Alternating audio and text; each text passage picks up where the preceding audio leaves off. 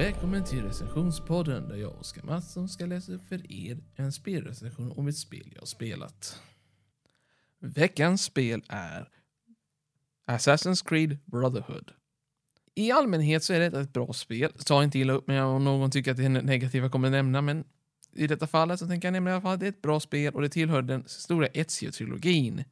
Vilket är också del två i Ezio-trilogin, för att vara exakt. Detta spel fortsätter storyn från Assassin's Creed 2 och kommer att eh, fortsätta storyn precis där det slutar. Med, ja, av någon mystisk anledning så valde man att använda trettonde kapitlet i eh, Assassin's Creed 2 och använda det som första kapitlet. Det heter till och med trettonde kapitlet. What? I alla fall. Efter det, det fortsätter precis när det slutade. Du har alla uppgraderingar och liknande, men detta är första och enda gången som skaparna säger hmm, hur kan vi vara ett as mot spelaren? Du har all teknik, du har alla uppgraderingar från föregångna spelet och senare när du återvänder till din bas och säger ja, nu är du över. Så visar sig att nej, det är inte över, det har bara börjat. Templarorden angriper det fina huset som du har byggt upp sen Assassin's Creed 2, storyn.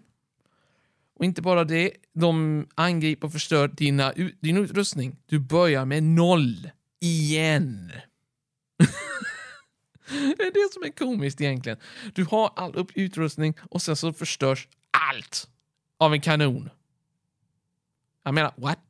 En kanon.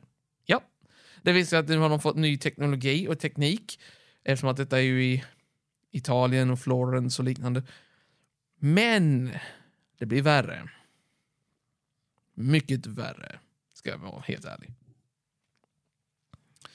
Detta spel bygger på 13 kapitel och ett blir tvungen att ta sig från sitt hem och sin familj, splittrade från dem och försöker fly och lyckas ta sig till Rom, eller Roma som det heter i italienska sättet på engelska.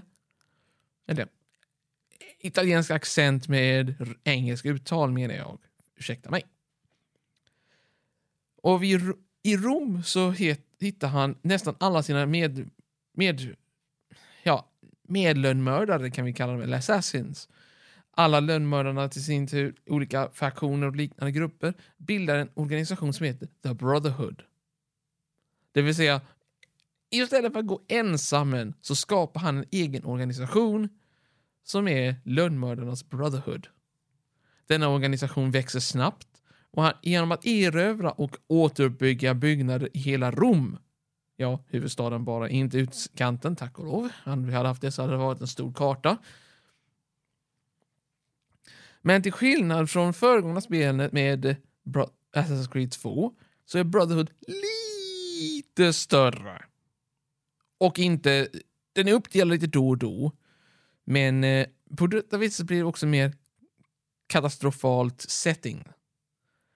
Vid setting menar jag också egentligen att det blir mycket mer chans på kraschar och liknande. Men spelet är gammalt så man tror ju att datorer ska kunna klara det som vi har nu. Tyvärr måste jag erkänna, nej, det finns problem. Lätt att fixa, men det finns problem. Om du första gången installerar spelet så finns det två filer du måste ta bort. För att få det bara att funka. Och dessa kommer laddas ner så fort spelet uppdateras. Oh boy. Jobbigt. Ett, Ezio blir tvungen att skaffa, göra lite uppdrag här och där, hjälpa lönnmördare, göra lönnmördningsuppdrag. Och inte bara det. Här kommer den roliga biten. Han kan inte bara samla allierade, han tränar allierade. Han blir the grandmaster utav lönnmördarna. Eller assassins. Assassins grandmaster, mer eller mindre. Detta är första gången som Ezio får alltså en ability som heter Call Ally. Denna allierade är alltså uppbyggd på sex stycken assassins. Du kan allihopa använda dem samtidigt eller använda en åt gången. För att göra detta, håll in knappen i en sekund för att göra nivå 2. Tryck en gång, det vill säga nästan en halv sekund, för att få nivå 1. Håll in knappen för att aktivera nivå 3, det vill säga alla sex assassins på en och samma gång. Detta viset tillåter dig att kunna göra mycket scouting och tillgång till att kunna lönnmörda folk som står i din väg. Spelet är bygger på hämnd och rättvisa igen. Ja, igen. Och det visar sig att Borgia, sonen till Rodrigo, jag ska nu egentligen klargöra en liten sak egentligen. Rodrigo Borgia var egentligen eh, prästen i föregångna spelet. Prästen, eller ärkebiskopen, han försökte bli ärkebiskop och lyckas bli det och sen så plötsligt tror vi att han blir dräpt, eller ej, jag vet inte exakt för jag har inte spelat hela spelet, men jag förstår att hans son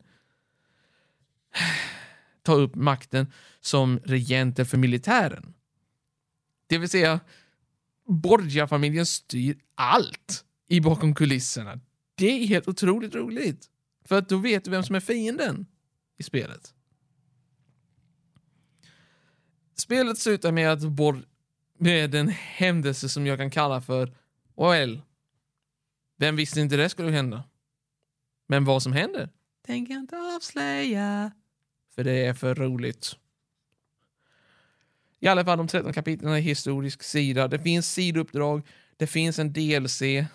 Den är gratis, tack och lov nu för tiden. För folk köper guldpaketen och liknande för att de, ingen vill köpa standard. Så standardpaketet har tagits bort. Tack så mycket för det, spelskapare. Så att allihopa som köpte standard får nu automatisk uppgradering till guldversionen. Du fick innehålla den först, de enda små delscenerna som finns. Du får möta Leonardo da Vinci igen, som visar sig att ja, tyvärr Ezio, jag har ju ett vapen till fienden. Kan du vara vänlig och förstöra dem? Den första runda tanken, till exempel. Det, det, det, har funnits på riktigt en rullande tank. Det är en rund tank som rullar fram genom att den snurrar. Kanonhuvudet är rakt, men resten av kroppen av tanken rullar. Detta tillåter den röra sig framåt, sida, hur som helst. Ganska imponerande faktiskt, ska jag nog säga. Men som vi alla vet, ingen av dessa grejerna funkar i verkligheten. Men, detta är ett spel. Här kan man ändra lite saker. Ändra historien eftersom att det är baserat på alternativ tidslinje, inte en riktig tidslinje. Och jag tänker nu ge er betyget för detta spelet. Jag tycker, eftersom att föregångna spelet var jobbigt, personligen, men detta spelet är mycket mer indrivande jämfört med föregångna spelet. Så jag skulle ge det, jag vet inte om jag gav det andra spelet 7,5. Men detta spelet förstör en, en liten spark åt rätt håll, 8 av 10. Mycket bra och jag hoppas att ni som spelar detta spelet kommer gilla det. Jag tyckte om det, minus att jag inte kunde spela ut det på grund av tekniska problem jag själv råkade ut för. Men jag hoppas inte det händer er. Jag hoppas att ni njöt av denna recension. Och jag hoppas att ni fortsätter min resa genom Assassin's Creed. Jag kommer försöka göra recensioner då och då, som vanligt. Men i Assassin's Creed tills jag når upp till, jag tror det var Odyssey ni, om ni följer mig så kanske ni vill följa en annan recensions eller spelrecensionssida som har en, vi har gjort en crossover när jag gjorde Valhalla. Tack för mig. Hej då!